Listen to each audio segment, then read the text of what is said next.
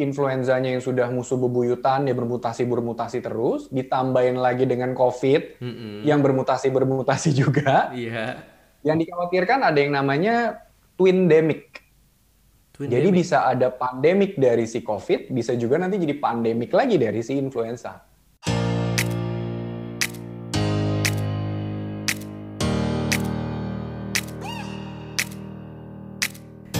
Hey halo pendengar, selamat datang di podcast Opnama, obrolan awam seputar medis. Bersama saya Dr. Marco Vidor yang akan menjawab pertanyaan Anda seputar kesehatan dan mengajak Anda untuk melihat lebih dekat mana mitos dan mana fakta di dunia kedokteran.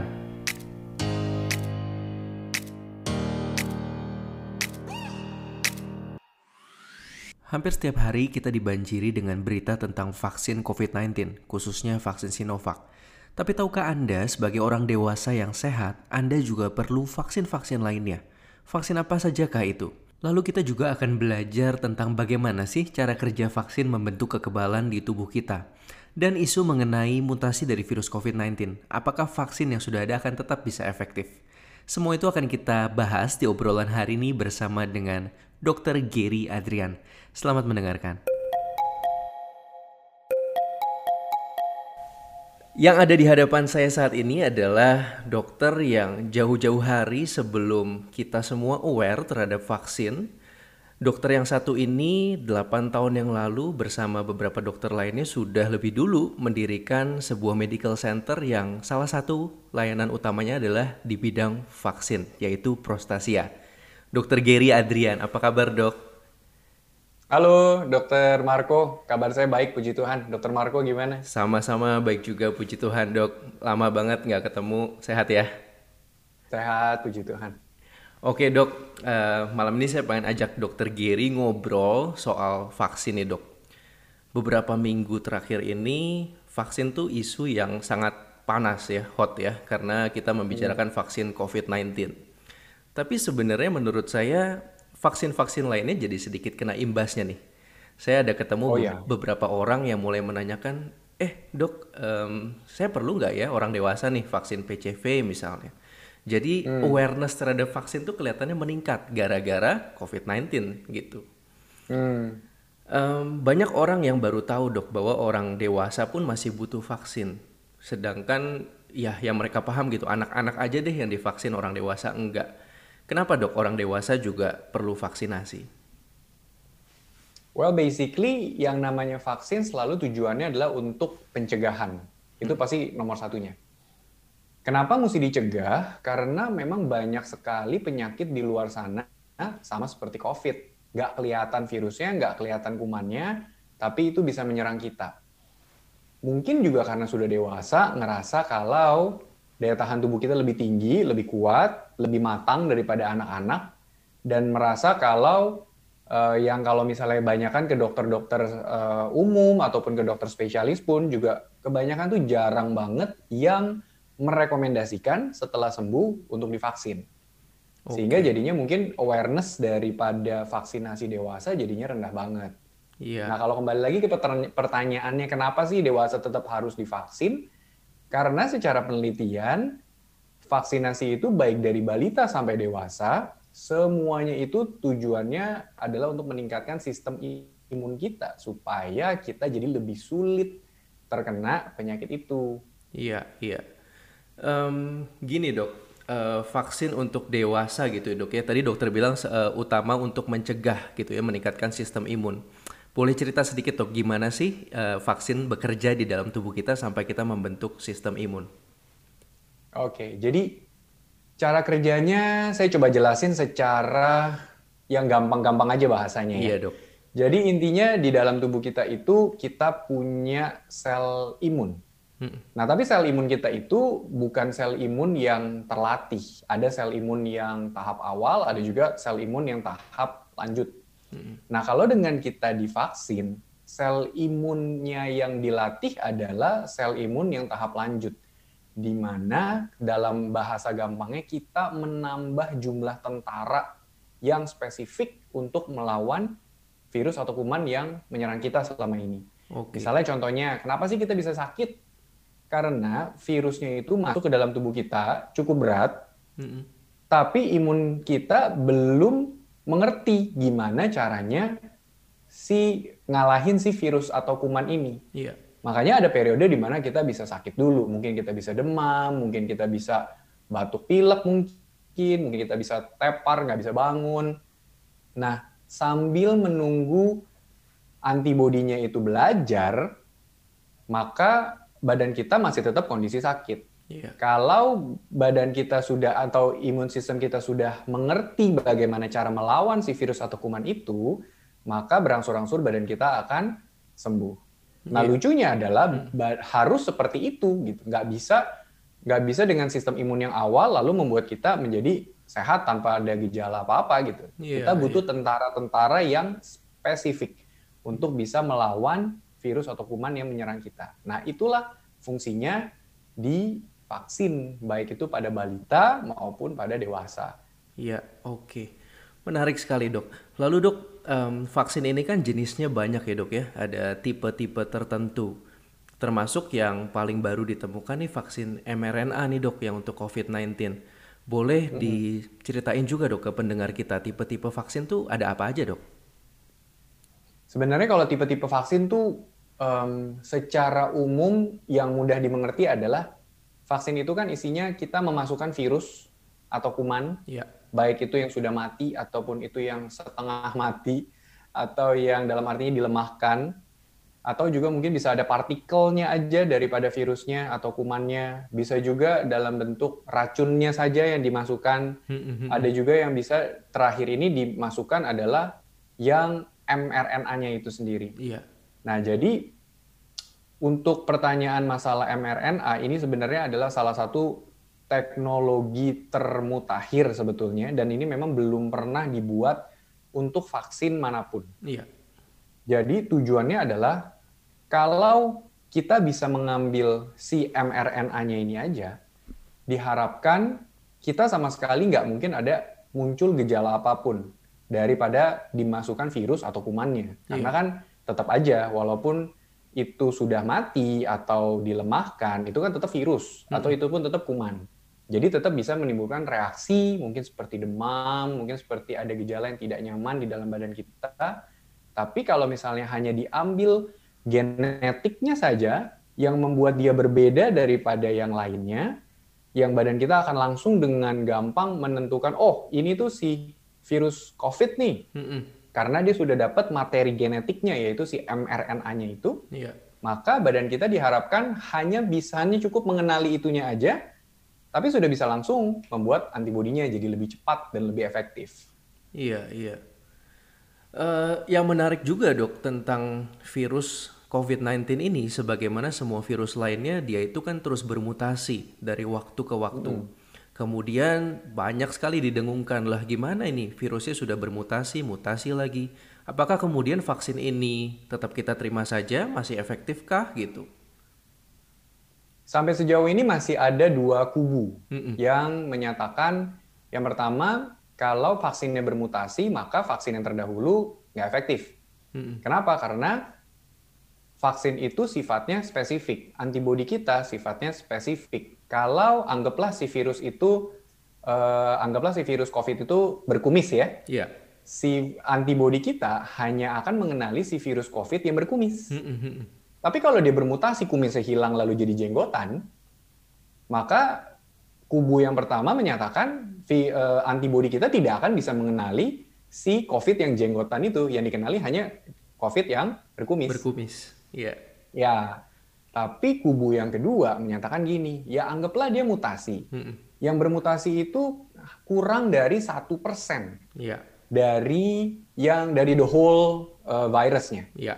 Nah, jadi kubu yang kedua optimis kalau misalnya walaupun mutasinya itu ada, tapi hanya kurang dari satu persen, diharapkan badan kita, antibodi kita masih lebih pintar, lebih cukup mengerti kalau ini adalah COVID yang dulu dia pernah belajarin.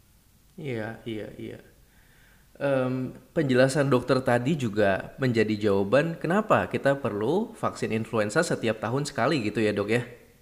Yes, Karena virus influenza itu juga berubah dari tahun ke tahun. Hmm, yes. hmm, hmm. Dok, kemudian uh, ada vaksin yang mRNA, kemudian ada juga yang inactivated virus seperti Sinovac nih yang Indonesia udah punya saat ini. Kalau ya. untuk menghadapi virus yang sudah bermutasi misalnya B117 itu, kira-kira vaksin yang akan tetap efektif apakah vaksin yang mRNA atau virus yang inactivated virus ini, Dok? Nah, ini cukup tricky mm -mm. karena belum ada evidence-nya. Iya, betul, betul. Penelitiannya masih baru sangat-sangat tahap awal dan mm -hmm. ini pun juga vaksin vaksin yang ada pun kan baru selesai fase 3.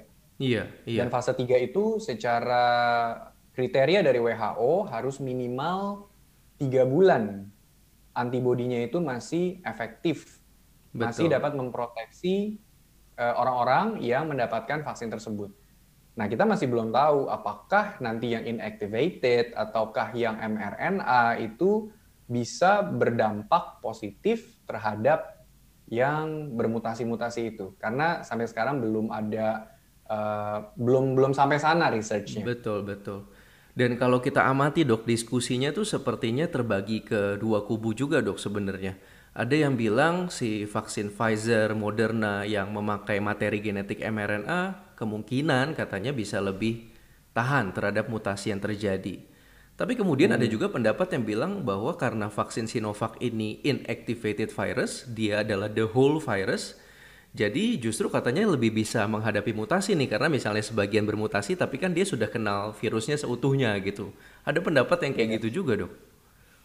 Hmm. Ya jadi masih sesuai dengan yang tadi uh, yang kita sepakati bersama. Memang ada dua kubu yang yang tadi kalau misalnya yang satu bilang sin um, COVID dengan kumis bisa diketahui, di, di, dikenali oleh antibodi kita, tapi kalau yang si COVID dengan jenggot tidak dikenali.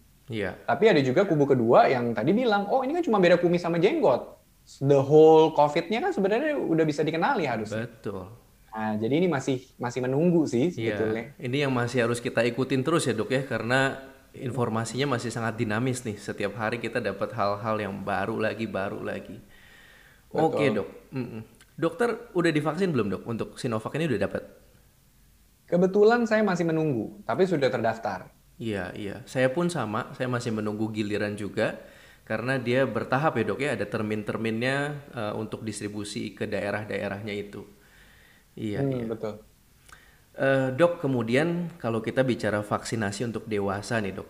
Jadi kan pertanyaan yang timbul begini, kalau gitu saya orang dewasa nih, dewasa muda gitu. Saya butuh vaksin apa aja gitu dok?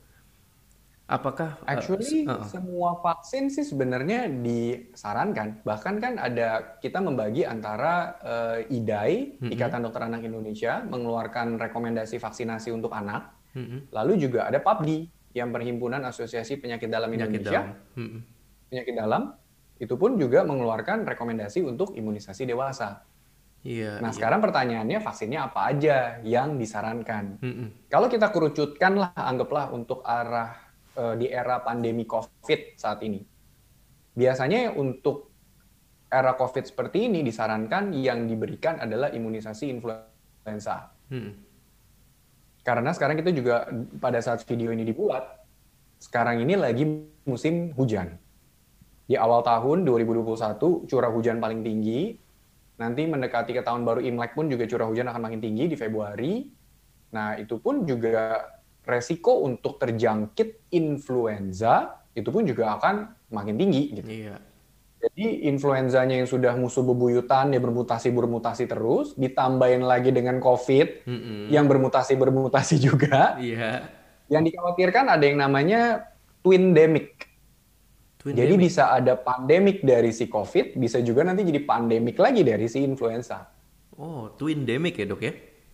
Ya, bahasanya twin demic. Oke, oke. Dok, nah itu boleh uh -uh. dari usia flu, dari -huh. usia 6 bulan sampai ke lansia. Bedanya influenza ini dengan sakit batuk pilek biasa apa sih dok? Banyak di antara kita tuh yang masih ah flu kan biasa gitu, masa perlu divaksin sih untuk influenza aja gitu? Yes. Kalau menurut saya pribadi kita ini kemakan bahasa marketing. Hmm. Kalau kita nonton TV, nonton iklan obat batuk pilek, mereka bilangnya itu obat flu dan batuk.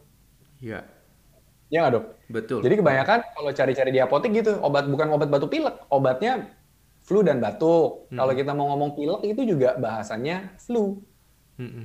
Padahal flu itu kan kepanjangannya adalah influenza. Iya. Nah, influenza itu bukan batuk pilek aja, tapi batuk pilek yang berat, yang sampai panas tinggi, yang Hmm. sampai badannya remuk, rontok rasanya, Tepar lah bisa pokoknya dok ya. tepar, betul. Iya. Jadi itulah kenapa influenza ini ya beda sama batuk pilek yang ringan yang bukan influenza sehingga kita butuh vaksinnya gitu dok. Yes, exactly. Hmm. Dan sekarang ini yang lagi bersirkulasi adalah eh, flu babi H1N1. H1N1. Ya, kalau Dokter Marco pernah tahu, Mm-mm. eh, H1N1 ini adalah virus yang membuat pandemi pertama kali di dunia tahun 1918. Oh itu H, Terkenalnya H1N1 namanya itu dok ya? Spanish flu. Ha, Spanish ya, flu. terkenalnya namanya Spanish flu, Iya ya kan? iya. ha-ha. Nah, Spanish flu itu ya H1N1, Hmm. flu babi. Ditemukan eh, waktu itu kejadiannya tahun 1918, tidak ada obatnya, tidak ada vaksinnya. Iya. Akhirnya semua orang kena 5 yang juta meninggal orang sampai meninggal. 50 juta. Oh, lima, 50. 50 ya? 50-an juta orang yang meninggal. Iya. Dan eh, akhirnya herd immunity tercapai dalam waktu 2 tahunan. Iya, cukup lama waktu itu dok ya. Mm-mm, kalau Yes. kita lihat foto-foto jadulnya itu kan ya dirawat ala kadarnya bangsal masal gitu. Betul. Hmm. Betul. Dan ah, dan walaupun sudah ketemu obatnya, sudah ketemu vaksinnya, tahun 1918 pandemi pertama, pandemi kedua kejadian di tahun 2009. 2009 Dengan apa kondisi Dok? udah ada obat. Hmm. 2009 pandemi flu babi yang kedua. Oh, virus yang sama, H1N1. virus yang sama ya. Virus yang sama. Iya, virus iya. yang sama membuat pandemi yang kedua. Dan bukan tidak Dan mungkin dia kembali lagi ya. Bukan tidak Oh mungkin iya, dia betul. kembali lagi. Tergantung. Betul, betul, betul. Yang namanya virus kan kebetulan yang H1N1 ini termasuk yang paling ganas, sehingga Hmm. dia bisa menyebabkan dua kali pandemi. Dengan sudah ada obat, dengan sudah ada vaksinnya, tetap bisa pandemi, tapi memang jumlah yang meninggal berkurang. Dari 50 juta yang meninggal di 2009, sisanya 500 ribuan yang meninggal. Jadi itu udah udah dari dari 50 juta yang meninggal tahun 1918, tahun 2009 yang meninggal lima- 500 ribuan orang. Iya, iya, iya. Jadi kurang lebih satu persennya lah dari waktu itu yang meninggal sebelum ada obat dan sebelum ada vaksin. Berarti kita harus tetap waspada terus ya dok ya COVID-19 ya mungkin bukan the only pandemi yang akan kita alami nih di hidup kita. Betul. Hmm, hmm, hmm. Dok, kemudian em, orang tuh banyak terjebak gini dok, kalau istilah imunisasi anak-anak ya, mereka istilahnya imunisasi yang wajib apa sih? Sebenarnya kan bukan imunisasi wajib atau tidak, tapi imunisasi yang ditanggung pemerintah atau yang bayar sendiri gitu kan dok ya? Yes, Ja- yes, Jadinya yes. mereka tuh terjebak, oh yaudah saya anak saya imunisasi dasar aja, yaitu sebenarnya yang dicakup oleh pembiayaan pemerintah. Nah kalau orang dewasa nih dok, dia misalnya oke deh, dia udah ngerti, dia udah aware, saya pengen divaksin, influenza penting, kemudian dia misalnya mau pneumokokus juga penting. Apakah vaksin-vaksin ini bisa dia eh, diborong gitu dok, di sekaligus misalnya di satu pertemuan dengan dokter, vaksin-vaksin apa yang bisa dibarengi dan mana yang nggak bisa gitu dok? Sebetulnya tidak ada batasan dalam satu hari itu divaksin berapa banyak. Hmm, Saya pernah terakhir kali eh, memvaksin teman saya karena kebetulan dia harus ke luar negeri dalam waktu dua minggu lagi dan dia harus submit eh, datanya karena dia mau sekolah ke Amerika waktu itu. Jadi dia minta tolong saya suntikin satu hari enam vaksin. Oh, jadi nggak ada batasan ya dok ya? Tidak ada batasan. Hmm, hmm, hmm. Cuman memang efek sampingnya jadinya lebih kelihatan. Setelah Akumulatif. divaksin 6 dia jadi demam. Oke, oke. Iya. Tapi intinya tidak ada batasan per hari apakah mau disuntik 2, suntik 3, suntik 4. Tapi untuk faktor kenyamanan Iya. Biasanya kita tidak lebih dari dua kali suntik.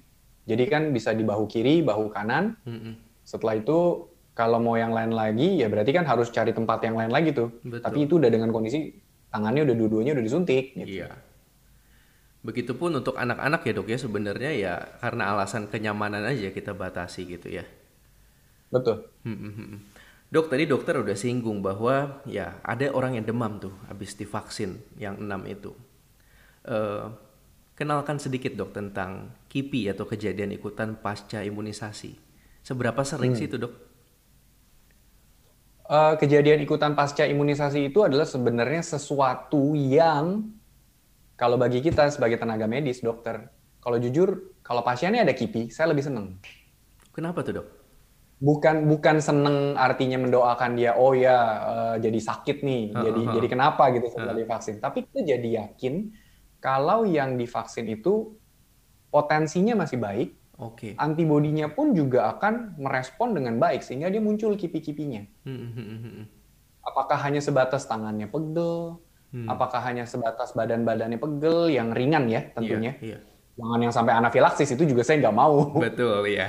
Yang juga pasien ya betul. Ya, Tapi ya. hanya kalau misalnya kipinya tah yang ringan, yang hmm. mungkin common, mungkin badannya pegel-pegel, persendian pegel, mungkin ada sakit kepala sedikit, hmm. atau mungkin uh, ada uh, rasa tidak nyaman, badannya mulai hangat-hangat sedikit, yeah. karena itu kan sesuatu yang sangat sering pada hmm. saat divaksin, pasca vaksinasi maksudnya. Kalau itu muncul, jujur saya lebih seneng karena kita jadi lebih yakin kalau vaksinnya potensinya baik dan antibodinya meresponi vaksin itu juga dengan baik. Salah satu tanda yang kita lihat bahwa oh vaksinnya kerja loh gitu, obatnya kerja ya dok ya. Yes.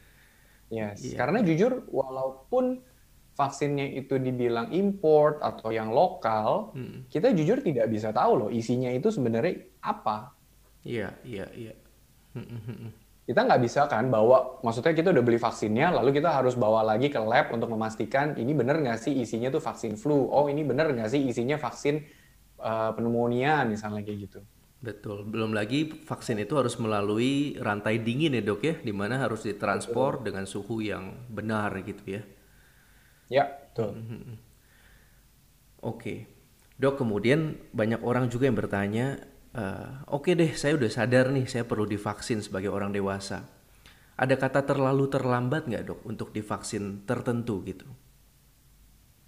Um, untuk beberapa vaksin, dia memang ada window periodnya. Hmm. Jadi ada usia minimal, kapan boleh divaksin, ada usia maksimal, kapan sudah tidak bisa lagi divaksin.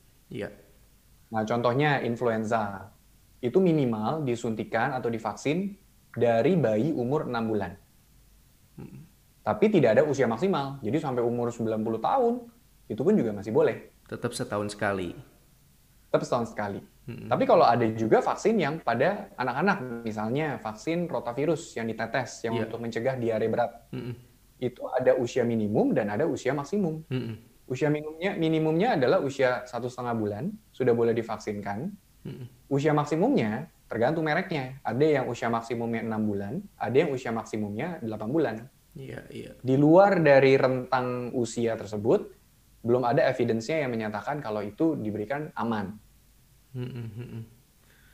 Gitu. Vaksin gara-gara pandemi jadi banyak yang kacau dok, terutama yang anak-anak ya mungkin ya karena begitu takut ke fasilitas kesehatan, akhirnya telat-telat-telat orang tuanya keder, bingung nih mana yang masih bisa dikasih, mana yang udah nggak bisa gitu.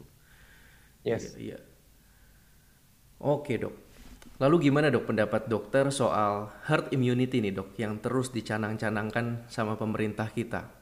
Kapan kira-kira kita bisa mencapai itu dok menurut dokter? Secara default kalau kita berkaca pada kasus flu babi tahun 1918, Spanish flu, hmm. itu dalam dua tahun tanpa obat, tanpa vaksin akan tercapai dalam dua tahun itu tapi melihat jumlah populasinya adalah tidak sebanyak dengan populasi dunia saat ini ya. Betul. Dulu itu mungkin orang lebih sedikit, tapi memang pada saat itu meninggal 50 juta orang itu banyak banget.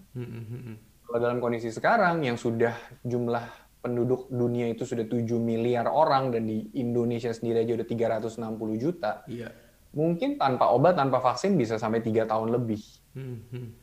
Nah, dan juga kalau misalnya sekarang ini pemerintah mencanangkan program vaksinasi COVID ini hanya tidak serempak dalam arti baru tenaga medisnya dulu, nanti kalau misalnya vaksinnya ada lagi baru nanti yang uh, masyarakat pada umumnya. Yeah. Menurut saya ini akan cukup lambat progresnya. Hmm.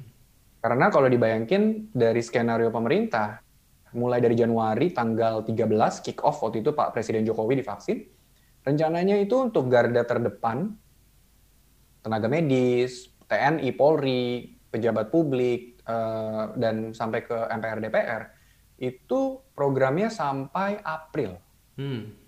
Mengingat kita negara kepulauan juga ya, yang logistiknya itu juga pasti akan lebih lebih ribet gitu. Iya, iya. Transport vaksinnya dan uh, penyimpanan suhunya gitu di daerah dan di uh, pusat kota kan pasti berbeda fasilitasnya. Hmm. Belum yang harus dicapai sampai masuk masuk ke dalam pelosok-pelosok hutan.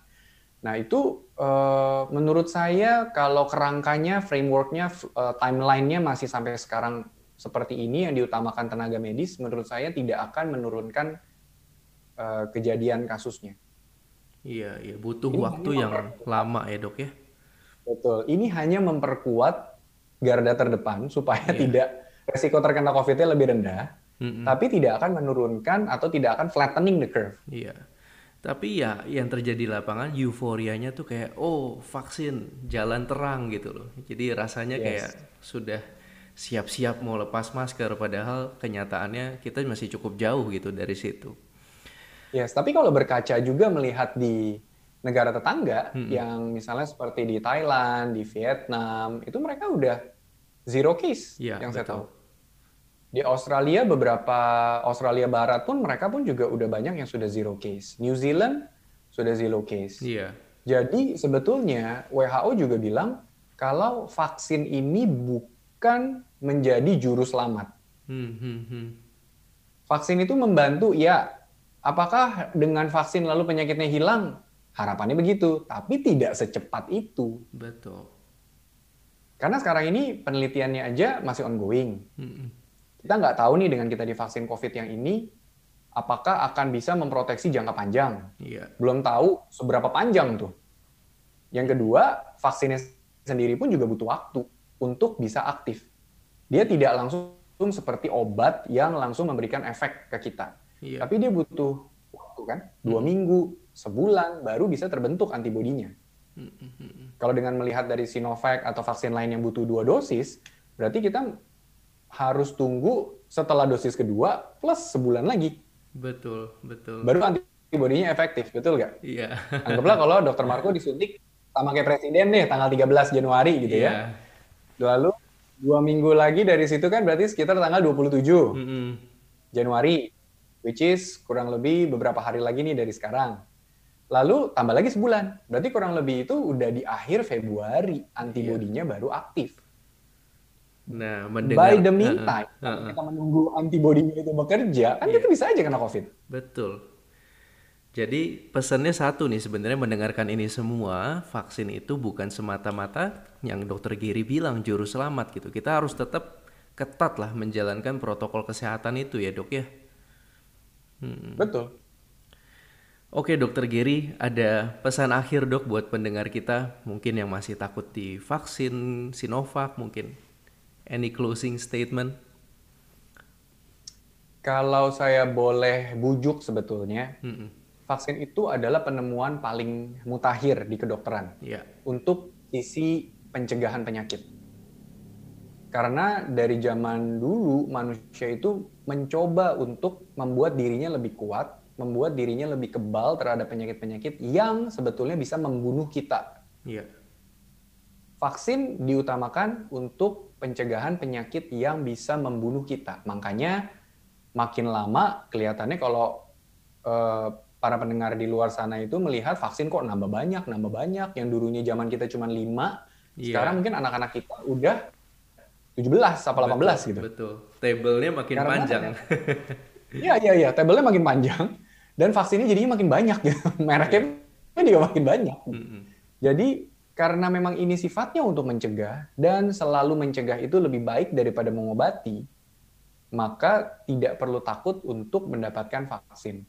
Terlepas dari isu apa pun ya, mungkin ada yang memang antipati terhadap vaksin, mungkin ada yang salah persepsi terhadap vaksin, mungkin dulu gara-gara divaksin lalu dia jadi kenapa-napa atau yeah. anaknya jadi seperti apa, itu kan juga mungkin bisa menyebabkan orang itu jadi antipati terhadap vaksin.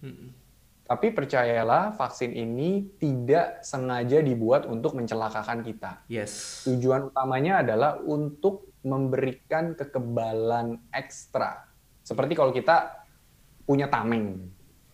Kitanya sehat, tapi kita punya tameng aja lagi supaya kita bisa punya kekebalan tambahan sehingga kalau virusnya yang betulan datang, kita sudah bisa mengenali dengan lebih gampang Betul. antibodi kita.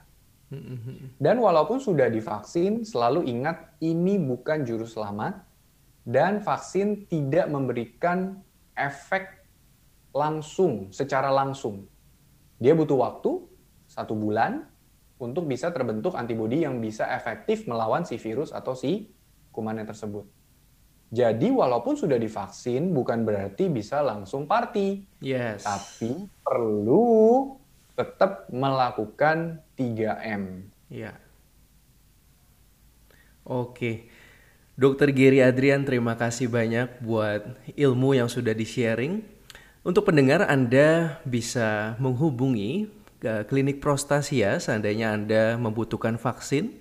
Dan Dokter Gary Adrian ini juga adalah seorang edukator yang aktif sekali memberikan materi-materi kesehatan yang dicerna dengan mudah di YouTube. Di mana tuh dok bisa diaksesnya dok? Bisa diakses di YouTube akun kami adalah Dr. Gary dan Mice. Dr. Jadi, saya dan Mice. istri saya. Yes, oke. Kalau untuk uh, prostasia tadi di mana dok? Kalau Prostasia, kami base-nya kliniknya ada di Gading Serpong, Tangerang. Mm-mm. Tapi sekarang kami juga melakukan vaksinasi home care, on-site, ke rumah-rumah. Jadi Dan untuk itu yang kita takut sudah keluar, sejak heeh. betul tidak perlu keluar kita duduk manis kita yang datang dan yang datang adalah pasti dokter Yes. yang sudah terlatih untuk memberikan imunisasi baik pada anak maupun dewasa dan itu kita sudah mulai jauh sebelum era pandemi. Visi Betul. kita kita mulai dari tahun 2013. Thank you Dokter Gary Adrian sekali lagi. Selamat malam, salam sehat dok. Selamat malam, salam sehat juga Dokter Marco.